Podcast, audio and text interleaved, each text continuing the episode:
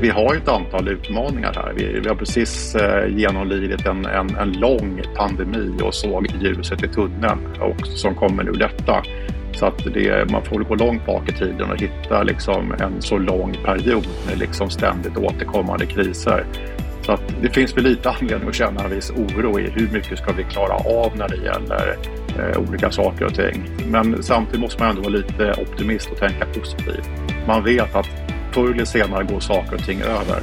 Eh, och det kommer det göra den här gången också, bara vi liksom tänker rätt och eh, använder rätt verktyg. Så att jag är ändå lite bekymrad i det korta perspektivet men ändå optimist för framtiden. Det finns anledning till oro med tanke på kriget i Ukraina och hur det påverkar den svenska marknaden och bostadsmarknaden. I Bopolpodden idag så har vi bjudit in SBABs chefsekonom Robert Boye för att verkligen fördjupa oss i vad som händer på marknaden just nu med en kraftigt stigande inflation, om risken för stagflation, om ökade räntor och vad allt det här betyder för bostadspriserna och bolånen. Och tillsammans med vår expertkommentator Lennart Weiss så kommer vi också samtala om hur bostadsproduktionen påverkas och hur vi ska hantera den flyktingvåg som kan komma. Hur ska människor få möjlighet till boende? Vad är det vi har all anledning att vara oroliga för? Hur ska vi se framåt? Varmt välkommen till ett program från Bopolpodden då vi försöker gå riktigt på djupet. Jag heter Anna Bellman.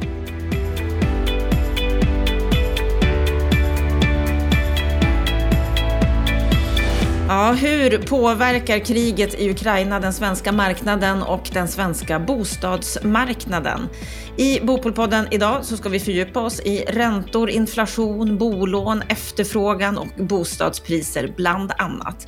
Och med mig på länk så har jag Robert Boye, chefsekonom på SBAB. Välkommen! Tackar! Och också vår expertkommentator Lennart Weiss som inte bara kommer att kommentera det här samtalet utan också kommer att vara med i hela samtalet idag. Och jag börjar Bopolpodden idag som jag börjar alla våra program. Och jag börjar med dig Robert. Vad är din sinnesstämning idag? Om man bortser då från omvärldsutvecklingen så är den faktiskt ganska god. Det är blå himmel ute, eh, solen skiner och jag håller på att räkna ner till en golfresa. Jag åker till Spanien på lördag eh, och ska spela golf en vecka. Ja, och då kan vi avslöja redan nu att det här programmet spelas in i förväg. Det är torsdag idag, så när det sänds då är du på varmare breddgrader. Ja, förhoppningsvis. Det har regnat där nere nu, men förhoppningsvis blir det lite bättre.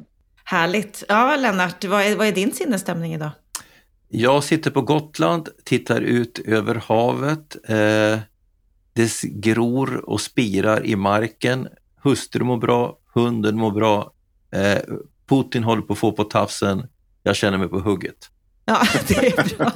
Ja, då börjar vi med en bra sinnesstämning i alla fall, för vi ska ju prata om någonting som inte känns så uppmuntrande. Hur är egentligen sinnesstämningen när det gäller marknaden med tanke på kriget i Ukraina? Om vi ska börja på en, liksom en övergripande nivå, Robert, hur, hur skulle du uttrycka dig?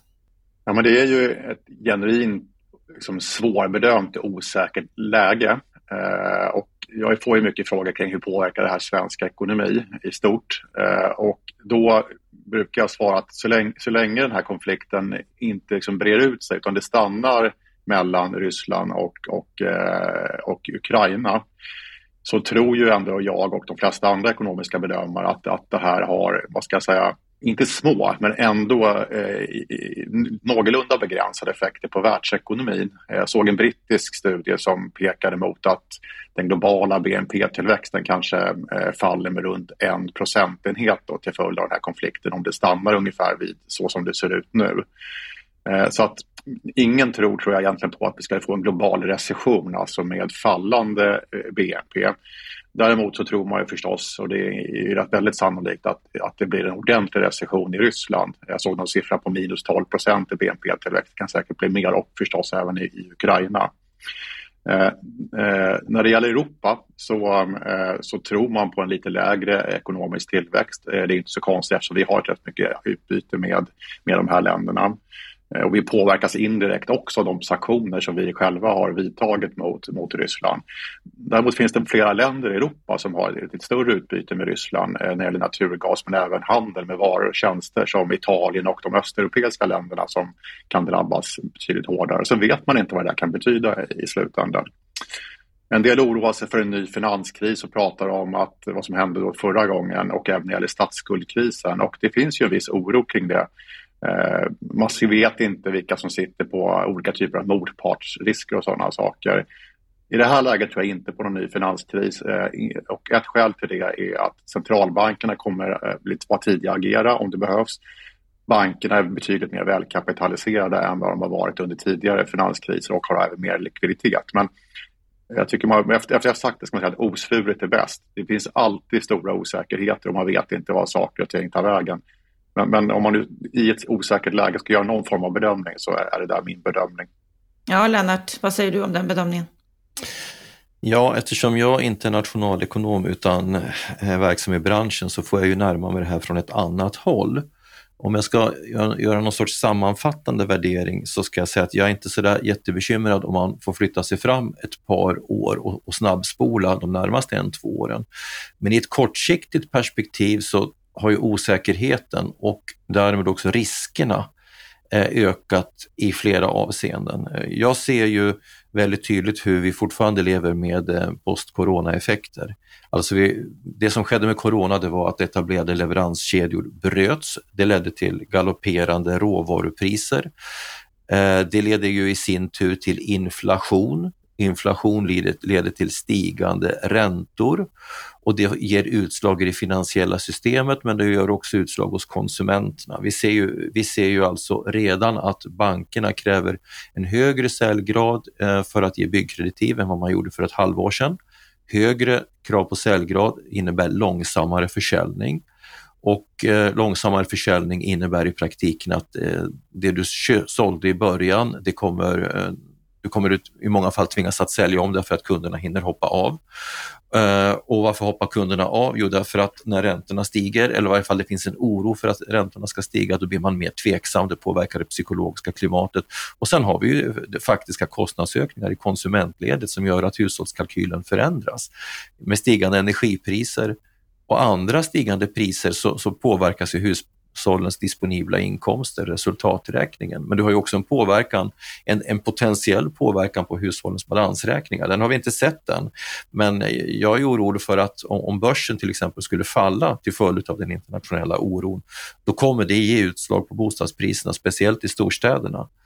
Eh, och skulle vi sen få konstant högre energi och råvarupriser och, och, och till och med ökad arbetslöshet, eh, om, man, om man tänker sig ett sådant scenario, då, då jäklar det mig, då kommer det att skaka till ordentligt. Så att eh, de som tror att bostadsbyggandet kommer att fortsätta uppåt, som till exempel Torborg kommenterade förra veckan, det tror jag inte ett dugg på. Det, det, ska jag vara tydlig på. Det tror jag inte ett dugg på. Sen hur kraftigt fallet blir och hur kraftigt fallet blir också utav eh, priser, det är också svårt att bedöma. Så att i den marknadsanalys vi presenterar just den här veckan, i slutet på den här veckan, så gör vi inga fasta prognoser utan vi gör scenarier pessimistiskt scenario, basscenario, optimistiskt scenario. Och det är spannat mellan de, de olika scenarierna som eh, jag kommer att göra mina uttalanden. Men jag vill summera igen och säga att den oro jag känner, det gör jag i tvåårigt perspektiv. Jag har läst så pass länge att jag har varit med om oljekris, 80-talskris och allt möjligt. Jag tror inte att vi ser framför oss ett, ett, ett liksom ett, en, en lång ekonomisk, eh, svag ekonomisk utveckling med, med hög inflation och, och galopperande räntor och svag ekonomisk utveckling i samhället, utan jag tror att det är en ganska tillfällig effekt på en, två år, men det är illa nog. Mm, det är illa nog. Och vi ska fördjupa oss i det här med inflation och så om en stund. Men först Robert så skulle jag vilja citera dig. Du har ju varit ute mycket i media senaste veckorna här och på realtid så sa du så här att konsekvenserna av inställda betalningar blir att Ryssland under lång tid kommer få svårt att finansiera sig på de internationella kapitalmarknaderna. Vad menar du här? Nej men eh jag menar, eh, Putin har ju sagt att eh, han avser att betala tillbaka räntorna på den utländska eh, statsskulden med rubel. Och det är samma sak som att säga i princip att man ställer in betalningarna eh, därför att det är ingen som vill ha betalt i rubel eftersom den faller som en sten. Nu har det varit några mindre förfall som de faktiskt har betal, lyckats betala i dollar. Så än så länge har de, har det, liksom är det ingen eh, ko på isen. Men den dagen eh, som eh, de inte längre kan betala sina ränteförfall i dollar, då måste de ställa in betalningar. Det skulle förvåna mig alldeles oerhört om de lyckas göra det i långa loppet med de sanktioner som är riktade mot Ryssland. Inte minst när det gäller att utlandet har låst en stor del av Rysslands stora valutareserv. Så att eh, drar det här ut i tiden, om inte kriget får ett abrupt slut och sanktionerna försvinner så, så kommer de behöva ställa in sina betalningar. Vad får då det, det för konsekvenser? Ja, eh, det är det som är lite svårare att bedöma. Eh, Ryssland har en ganska liten statsskuld eh, som andel av BNP. Däremot har man en större skuld om man inkluderar då ryska företags eh, eh, del av den totala skulden. Men jag skulle ändå säga, och jag tror jag har sagt det när jag blev intervjuad tidigare kring den här frågan, att, att, att givet att banker och sånt är mer välkapitaliserade och mer likvida och centralbankerna är beredda att sätta in åtgärder tidigare än vid tidigare finanskriser. Så jag har svårt att tro att det här eh, vad ska jag säga, leder till en ny finanskris. Men vi har faktiskt, precis på samma sätt som vi egentligen hade vid, vid finanskrisen 2009-2008 där, där det finns en liten risk att vi missbedömer motpartsrisker och sånt, precis som vi gjorde där när Lehman Brothers föll. Så att, jag ska säga att återigen, här, osvuret är bäst. Men, men min, min, min grova bedömning är ändå att det liksom inte är någon jätteko på isen. Däremot är det enskilda länder i Europa som har eh, större eh, lån till Ryssland som kan drabbas mer, flera europeiska storbanker. Så att, men, men än så länge har det inte varit något jätteproblem. Men det kan, det kan bli betydande svårigheter för, för, ett, för ett antal länder. Men där får man väl gissa att eh, EU på något vis eh, går ihop och försöker lösa de problemen på något sätt. När vi spelar in det här så är det som sagt torsdag. Då öppnade Moskvabörsen igen efter att ha varit stängd. Och till att börja med så steg aktiepriserna. Hur ska man, hur ska man se på det? Ja, jag fick en fråga om vad jag trodde för några vecka sedan. Vad händer när, när Moskvabörsen öppnar? Och så det, jag skulle bli förvånad om det inte blir ett tokras. Och nu, nu har börsen stigit här på morgonkvisten, men då ska, då ska man försöka förstå varför. Det är nämligen så att internationella placerare kan inte sälja aktier. De har ju öppnat börsen för inhemska placerare. Eh, och det är troligtvis så, utan att veta det, att man då har bett ett antal större institutionella placerare att, att stödköpa aktier då i rubel. Och då är det inte konstigt att, att eh, börsen går upp i rubel. Däremot om man översätter börsuppgången i dollar så har börsen fallit nu på morgonen i, i, i Moskva eftersom rubeln har fallit så kraftigt. Så jag ska säga att informationsvärdet av den här lilla uppgången skulle jag säga att den är noll i princip. Utan det intressanta blir när man öppnar hela börsen och eh, man även tillåter internationella placerare sälja sina aktier. Dessutom är det så att man har förbjudit blankning, alltså spekulation mot börsprisfall och det, det, det håller ju också uppe börsen. Så att eh, informationsvärdet är noll av det vi ser från den öppna Moskvabörsen idag skulle jag säga.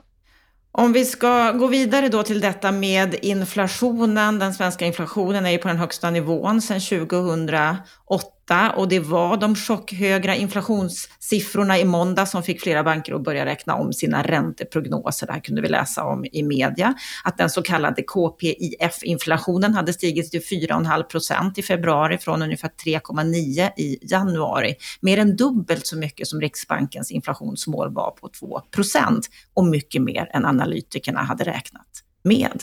Vad säger vi om det här Robert? Varför har det blivit så chockhöga inflationssiffror? Ja, det är en bra fråga. Redan innan Ukraina-kriget bröt ut så hade vi ju väldigt höga inflationsutfall där i januari och februari. Eh, Riksbankens bedömning var ju då att det här hade väldigt mycket att göra med de stigande energipriserna, alltså på el och drivmedel som hade börjat gå upp egentligen innan, redan från i höstas egentligen.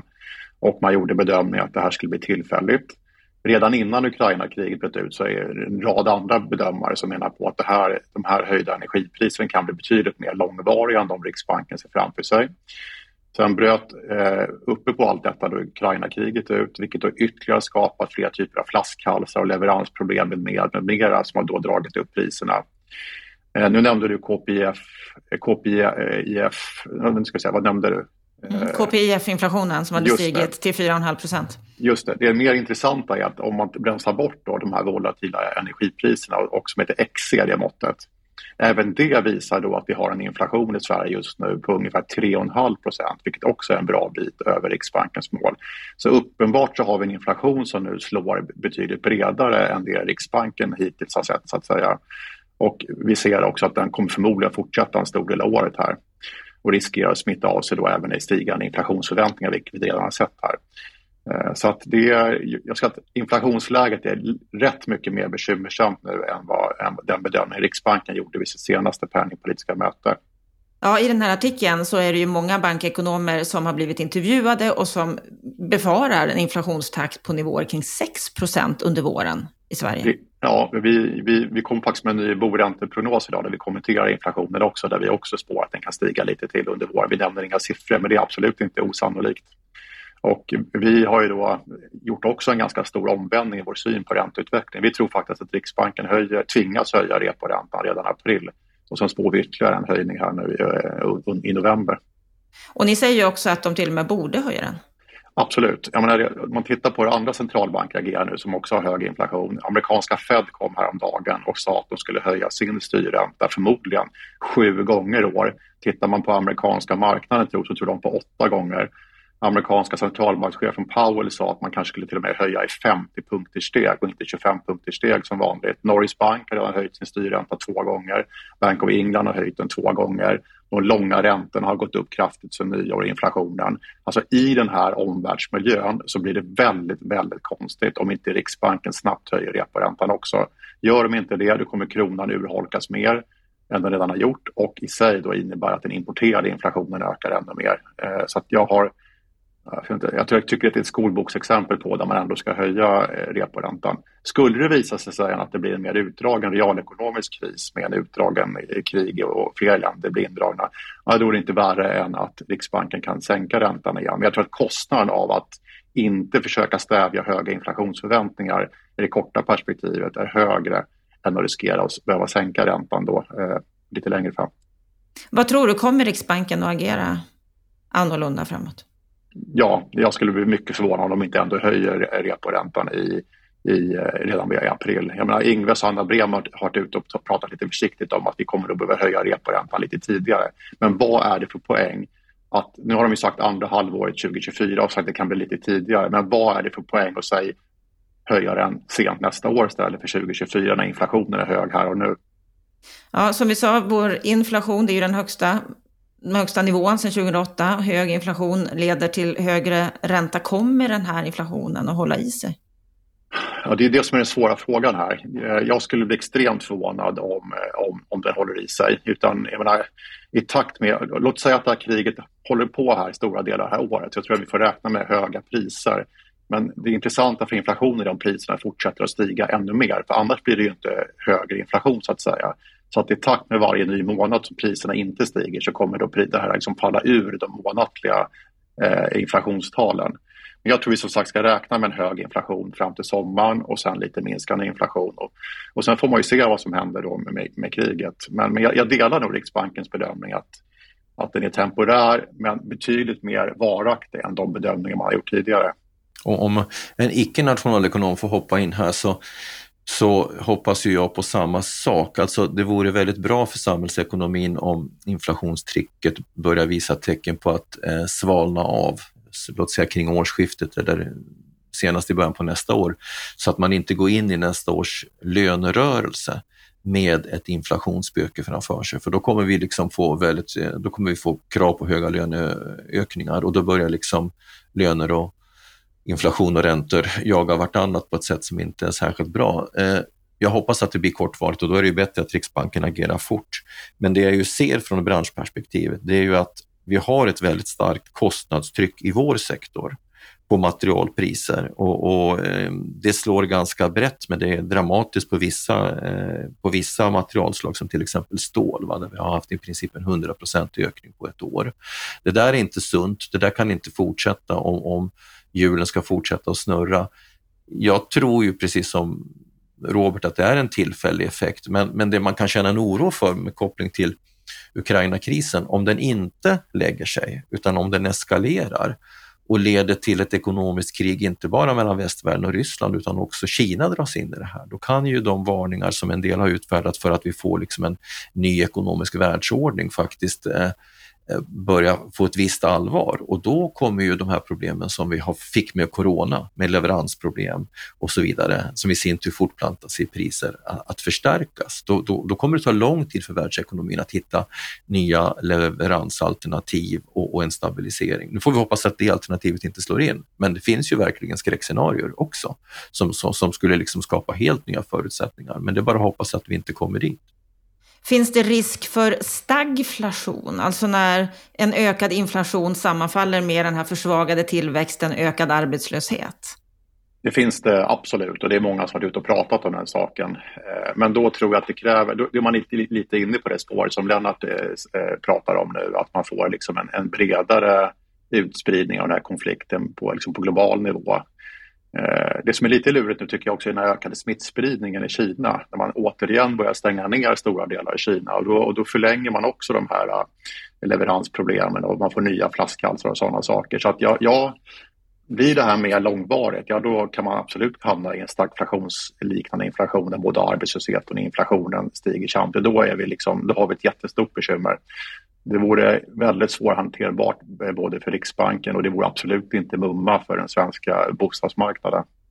Nej, det är mycket som kan påverka och bland annat så har vi ju ett läge med eh, dyrare ränta som ju också då leder till dyrare bolån och du har ju varit ute och pratat mycket om det här Robert och uppmanat människor att förbereda sig på högre räntor och att man ska bland annat kunna klara av en ränta på 5% sa du i en artikel häromdagen. Hur mycket ja. kommer det att öka?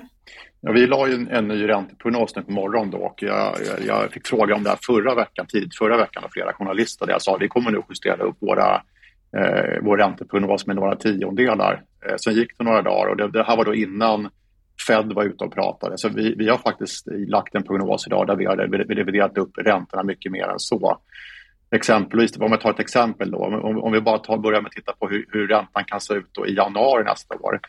Eh, där, då tror vi att den rörliga räntan, alltså tre månadersräntan, då uttrycks som snittränta på hela bolånemarknaden, eh, kan gå upp till 2,2 procent.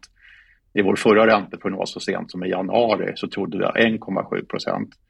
Och tittar vi på femårsräntan så tror vi att den kan vara uppe i 3 procent som snittränta i, i januari nästa år att jämföra med 2,2 procent som vi trodde då så sent som i januari. Om vi, om vi hoppar upp till januari 2025 då trodde vi i, i januari att, att, att den rörliga räntan skulle ligga på 2,3 procent i snitt. Den har vi reviderat upp ända till 3,2, alltså en höjning med nästan en hel procentenhet. Och femårsräntan har vi, har vi, har vi till januari 25 reviderat upp till 3,9 procent. Det är också en lika stor höjning. Det måste inte bli så här. Men, men, när man tittar på hur eh, prissättningen ser ut på finansiella, alltså räntebärande instrument på finansmarknaderna så tror de på en ännu större höjning än vår prognos. Så man kan säga att vi i vår prognos har lagt oss någonstans mittemellan eh, Riksbanken och eh, finansmarknaden. Vi ligger närmare finansmarknaden än Riksbanken men vi har ändå inte vågat ta ut svängarna riktigt så mycket för vi tyckte vi tog ut svängarna jättemycket den här gången i förhållande till vår januariprognos. Eh, vi, vår, den syn som vi inte har ändrat på, vi har hela tiden trott att man ska sikta på en långsiktig normalränta på ungefär 4% Det har vi inte justerat utan det som händer i vår prognos är att vi tror att vi får en snabbare och brantare eh, ränteuppgång och en dragning mot den här normalräntan snabbare, snabbare i början så att säga. Så ungefär så tänker vi. Och för den som är orolig nu då, ska man eh, binda sitt bolån? Ja, den där, jag brukar ju passa lite på den frågan, för det beror lite på. Eh, jag menar, dels beror det på jag menar, hur orolig är du för stigande räntor? Vad har du för marginal i din ekonomi? Planerar du, bor du i en bostadsrätt som du kanske planerar att flytta från om något år? Alltså det är en massa frågor man måste ställa sig själv. Eh, däremot brukar jag säga att om man har extremt små marginaler i sin ekonomi och sitter med väldigt stora lån och inte sover gott på natten för att man oroar sig jättemycket för att räntorna ska sticka upp ännu mer, ja men det är klart, då kan man fundera på att binda sitt bolån, åtminstone delar av det. Skulle vi få fel i vår prognos vi skulle få en mer, eh, vad ska säga, mer utdragen realekonomisk kris och Riksbanken inte alls höjer räntan lika mycket som vi tror, ja då har vi en helt annan situation. Så att, eh, det är lite, lite tråkigt svar, men, men det är lite om och men och jag tror att det här känner man bäst själv också. Hur skulle du säga att bankerna tänker i det här läget som vi befinner oss i just nu? Ja, många banker har ju på kort tid nu höjt sina, eh, tvingats ska säga, höja sina räntor på grund av eh, de stigande långräntorna. Räntorna på bostadsobligationer har gått upp mycket mer än på statsobligationer vilket möjligen säger någonting om att riskpremien har stigit lite också. Eh, så att vi har en, haft en väldigt brant uppgång i framförallt de lite längre bundna eh, bostadsräntorna nu senare tid och fler banker kommer definitivt följa efter här nu tror jag. Eh, och intressant nog ser vi också att de korta räntorna har, har rört sig upp lite här då, trots att Riksbanken då inte väldigt tydligt har sagt att man i närtid kommer höja eh, reporäntan.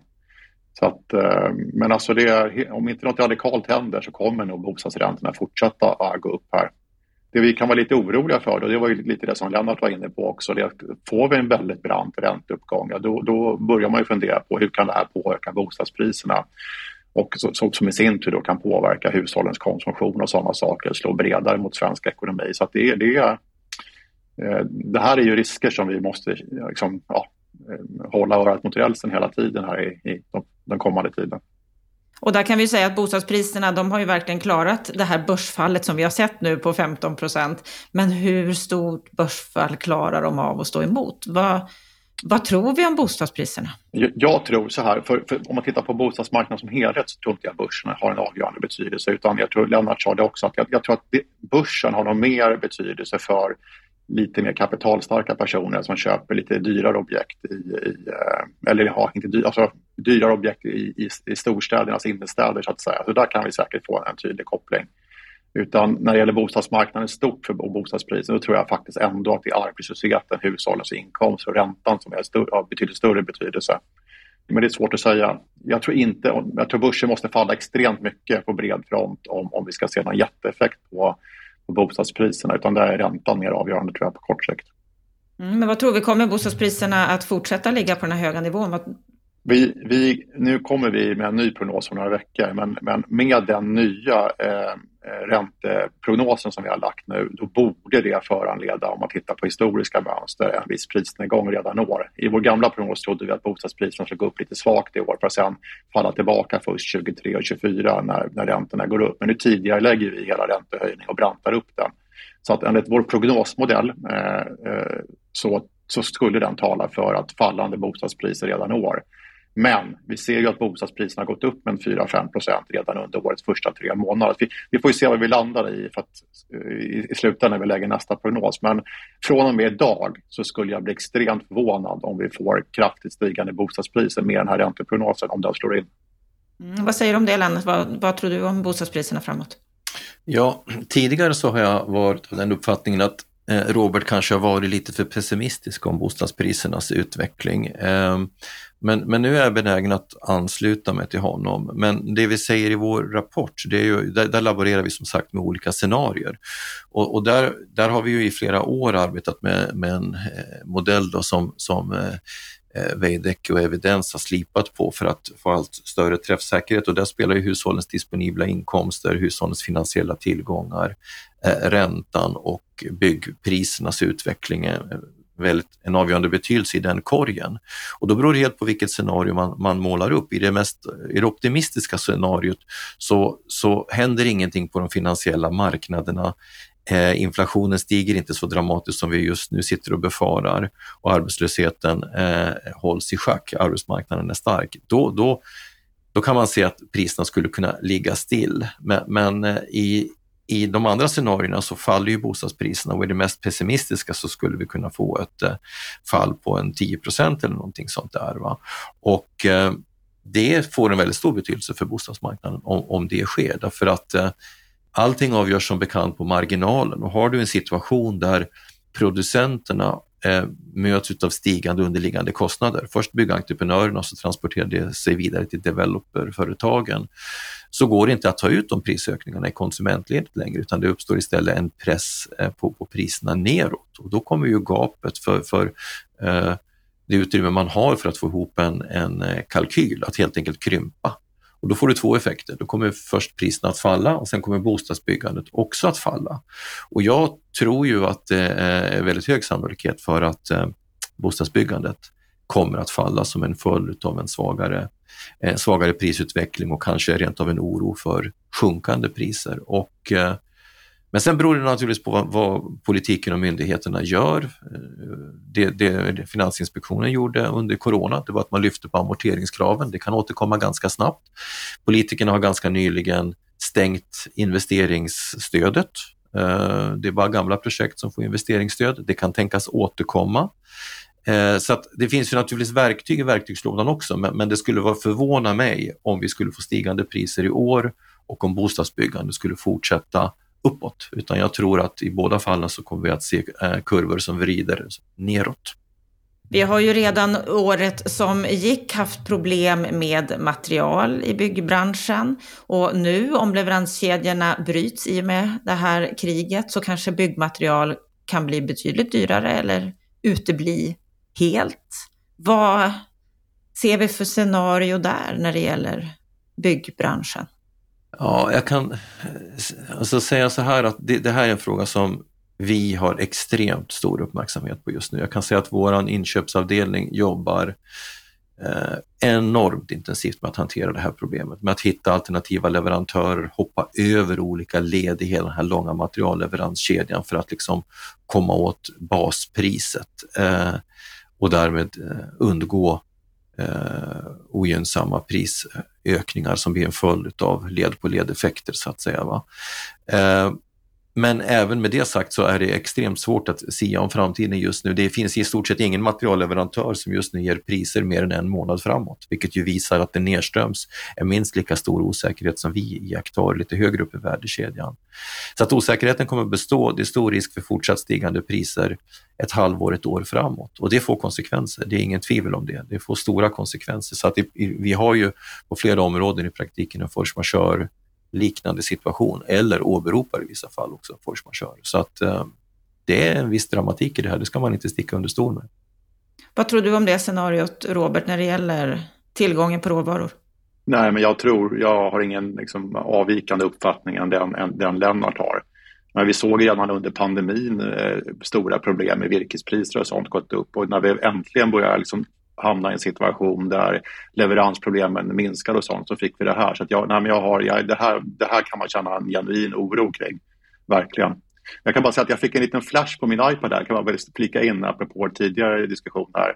Att nu, nu står det här att Norges centralbank höjer styrräntan med 0,25 procentenheter och signalerar ytterligare sju höjningar av sin styrränta innan eh, utgången av nästa år. Hur tolkar vi det? Att, eh, att det som jag var inne på tidigare om Riksbanken, alltså det, det är helt obegripligt om de inte höjer styra, äh, reporäntan med 25 punkter redan i april. Mm, vi kommer se förändringar här. Ett annat orosmoln förutom det här med eh, råvaror, det är ju energiförsörjningen. Hur oroliga ska vi vara för den? Vi kom ju med en ny rapport här för några veckor sedan om elprisernas betydelse för framförallt småhushushållen. Eh, och där sa vi några saker. Jag menar, den här elprisuppgången vi hade nu under vintern har från vissa håll uppmålats som någon form av engångsföreteelse. Det sa vi i den här rapporten redan innan Ukraina-kriget bröt ut att det tror inte vi. Det här är ingen engångsföreteelse, Det kan hända flera gånger. Dels för att vi har då ett väldigt stort energi, alltså ett energisamarbete och elöverföring mellan norra Europa och södra Sverige. Eh, e EUs mark elmarknad håller på att byggas ut med överföringskapacitet eh, och det är bra på lång sikt. Men i en övergångsperiod där man dessutom ska då eh, ta bort kärnkraft, kolkraft och sådana saker, stabila energikällor och ska bygga ut väldigt mycket nya eh, miljövänliga energikällor så får vi räkna med både högre elpriser och betydligt mer varierande elpriser. Så att, och skulle dessutom Ukraina-kriget inte vara löst till kommande vinter då tror jag att det finns en stor fara i att vi kommer få ännu högre elpriser nästa vinter beroende lite på väder och sånt förstås då, än vi hade den här vintern. Eh, däremot så tror jag kanske på sikt, om vi säger att vi blickar efter 2030, är det så att vi lyckas bygga ut överföringskapacitet och sånt, alltså det är så här, jag backar lite, det är inga problem att hitta eh, in, in, folk som är företag som är intresserade av att bygga ny el, alltså e, nya vindsnurror och sånt. Det är inte där eh, vi har flaskhalsen utan det är överföringskapaciteten. Man ska kunna transportera den här elen också och det är där skon klämmer lite med långa tillståndsprocesser och sånt. Men, men jag, alltså så här, för att sammanfatta, Vi kan räkna med betydligt högre energipriser, eh, eh elpriser framför allt, under den kommande tioårsperioden än vi har haft om man blickar fem år bakåt i tiden. Något annat skulle förvåna oerhört. Mm. Och jag instämmer ju i det och, och, och det som vi har sett här, eh, det är ju liksom en, en strukturell förändring som följd av att vi, vi är en del av en europeisk energimarknad. Jag har sagt det förut här i Bopolpodden att en effekt av att man exporterar el till kontinenten, det är att man importerar Eh, kontinentens priser på energi. Och om nu det energi, europeiska energisystemet hamnar i en, i, i, under väldigt svårt tryck till följd av att man inte kan köpa eh, relativt billig naturgas ifrån Ryssland och eh, vi, vi får en stor omställning av det kontinentala energisystemet så kommer ju prisnivån på kontinenten per automatik att smitta upp hit. Hur, hur mycket energi vi kortsiktigt kan producera är alldeles oavsett. Men, men, men sen har vi ju hela klimatomställningen och det är bara att titta på de energibehov som ligger i pipeline, alltså produktionen av grönt stål, batterier och andra investeringar i nya eh, energisystem innebär ett behov av en fördubblad energiproduktion och då är det elproduktion, fossilfri elproduktion i Sverige, en fördubbling över en 10-15 års period. Då ska vi först lösa transmissionsproblemet, sen ska vi lösa utbyggnadsproblemet och det här tar tid. Och innan de här sakerna är på plats så får vi precis som Robert säger, räkna med stigande eh, elpriser. Och vi får räkna med att det kommer att stå fler vindsnurror i våran nära miljö. På kort sikt så finns det faktiskt inget alternativ än att bygga ut vindkraften. Det är det som snabbast ger effekt, så det får vi nog helt enkelt räkna med. Men övergångsvis så blir det dyrare.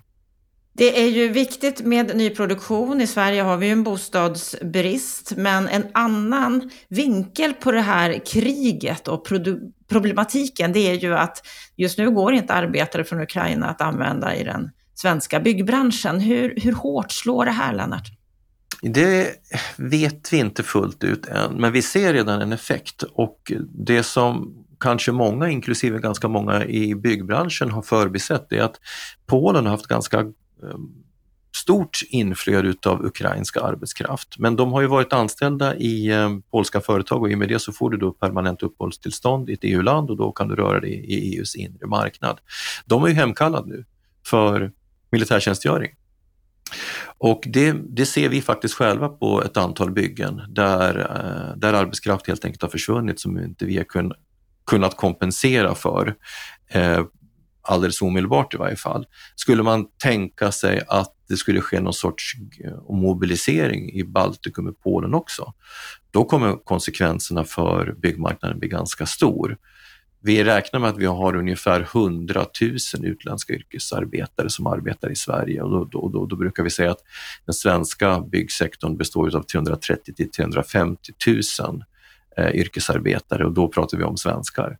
Men, men eh, se säg 100 000, ja det är ungefär en fjärdedel. Då, va? Så att, eh, det är ju en väldigt stor påverkan. Um, så det är bara att hoppas att, så att säga, Ukraina-kriget inte drar ut på tiden och, och dessutom får spridningseffekter. Och när det gäller det här med nyproduktion så har det funnits en stor vilja av mer småhus. Det är många som vill bo i småhus av den svenska befolkningen. Men ni, Robert, har gjort en prognos att det finns ingen ljusning i sikte när det gäller produktion av småhus. Vad är det ni har kommit fram till här? Ja, egentligen gör vi ingen prognos, utan vi tittar lite på liksom hur ser det ut just nu. Eh, vi tar ju fram det som vi kallar för HMI, det står för Housing Market Index och det gör vi en gång varje kvartal. Och i tisdags eh, eh kom vi då med ett nytt eh, sånt här utfall för kvartal 4 då, 2021. Och precis som du är inne på, vi, vi ser ingen som helst ljusning när det gäller eh, nyproduktion av villor. Det här indexet mäter Eh, vad ska jag säga, hur efterfrågan på nyproducerade bostäder då förhåller sig till utbudet. Och när vi pratar om efterfrågan så är det flera faktorer som man väger in då i det här indexet. Det ena är då, eh, vi tittar på hur inkomstfördelningen ser ut eh, i, eh, i, i de kommuner vi beräknar indexet för. Vi tittar också på preferensstudier, alltså hur vill folk bo? Och där säger ju en stor majoritet att man föredrar att bo i ett småhus. Vi väger också in, eh, in alltså flyttmönster mellan olika kommuner och ett antal saker. Och så får man ett efterfrågemått som man ställer mot ett utbudsmått.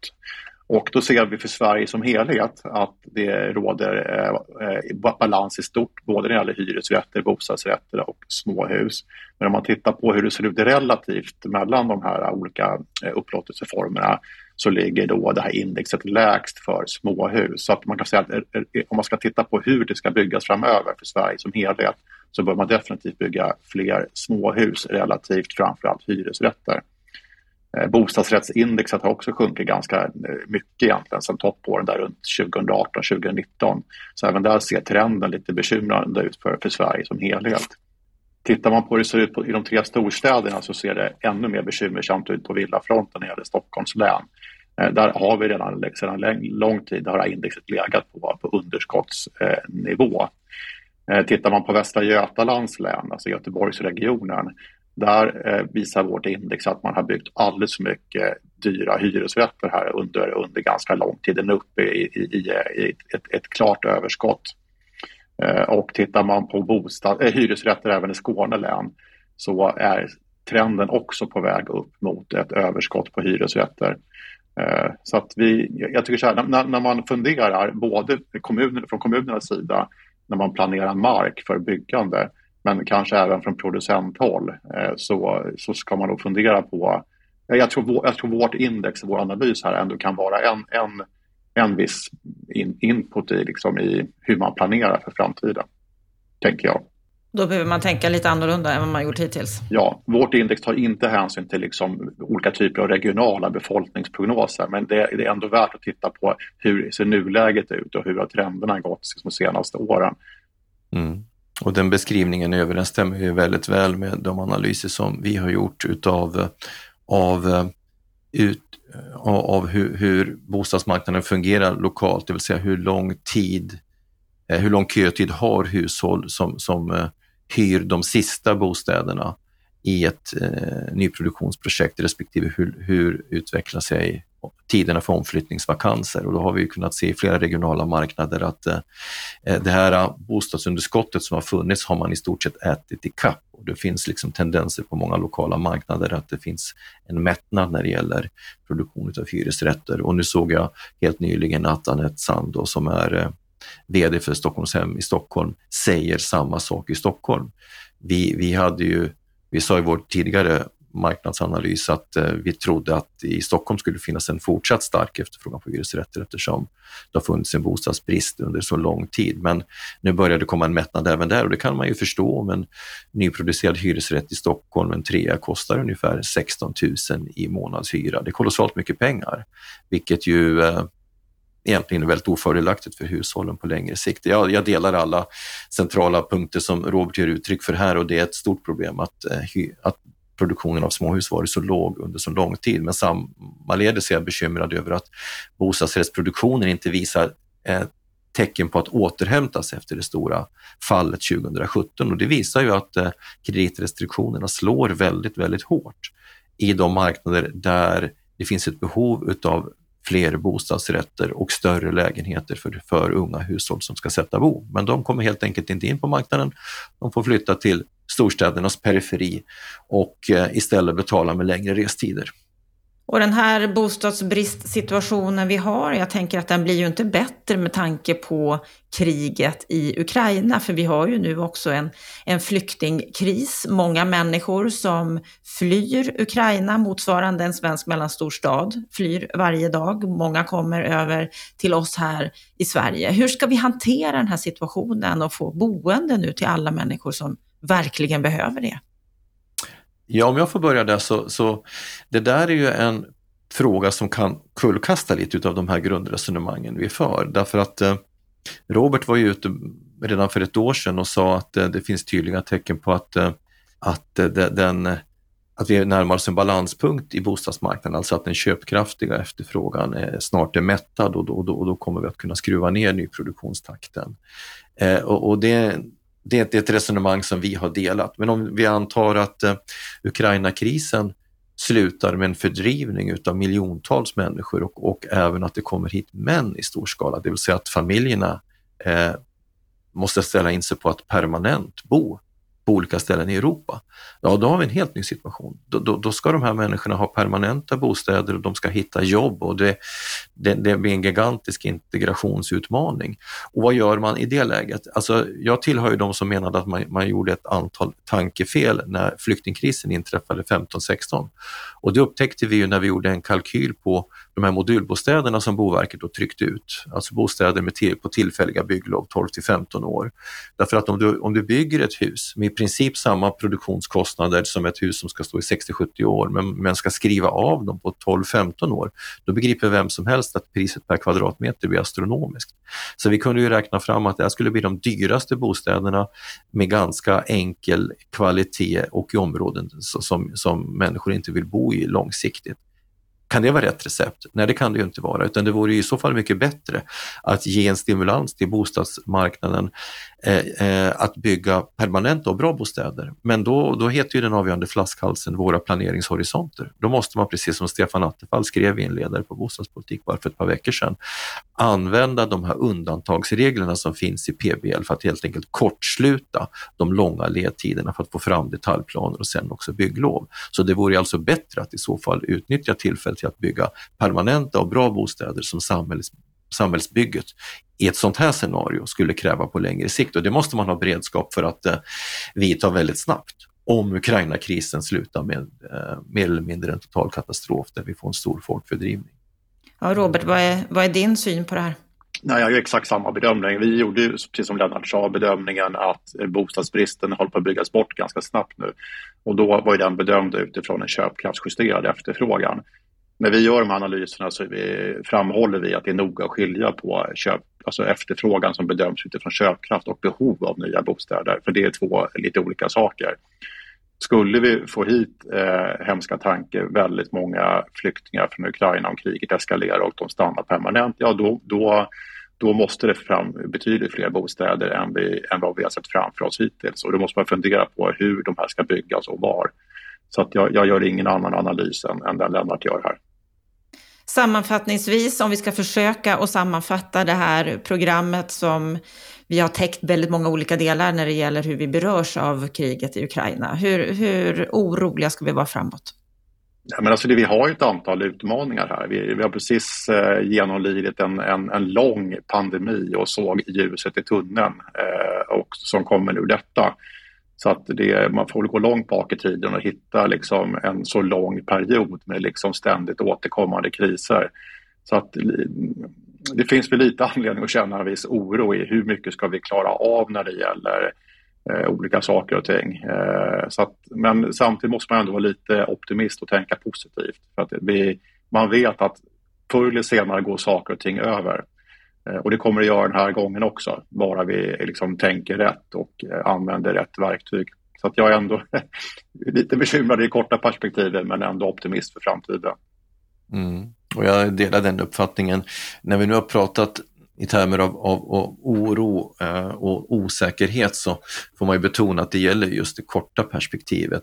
Det finns ju som sagt eh, Alltså den svenska ekonomin inte minst, och det hela den nordiska ekonomin är ju i grunden väldigt, väldigt stark. Vi har, vi har ganska låga, eh, en låg statsskuld. Vi har alltså förutsättningar att med finanspolitiska åtgärder stimulera ekonomin. Skulle det bli eh, så att arbetsmarknaden visar tecken på försvagning, då kan man vidta åtgärder där, till exempel eh, skattesänkningar utav olika slag. Så att det finns ju liksom ett utrymme att parera de, de eh, mera eh, besvärande scenarierna. Alltså för, för, för, för till syvende och sist så har alla de här frågorna som vi diskuterar eh, ja, de är väldigt starkt beroende av en stark arbetsmarknad och arbetsmarknaden är stark.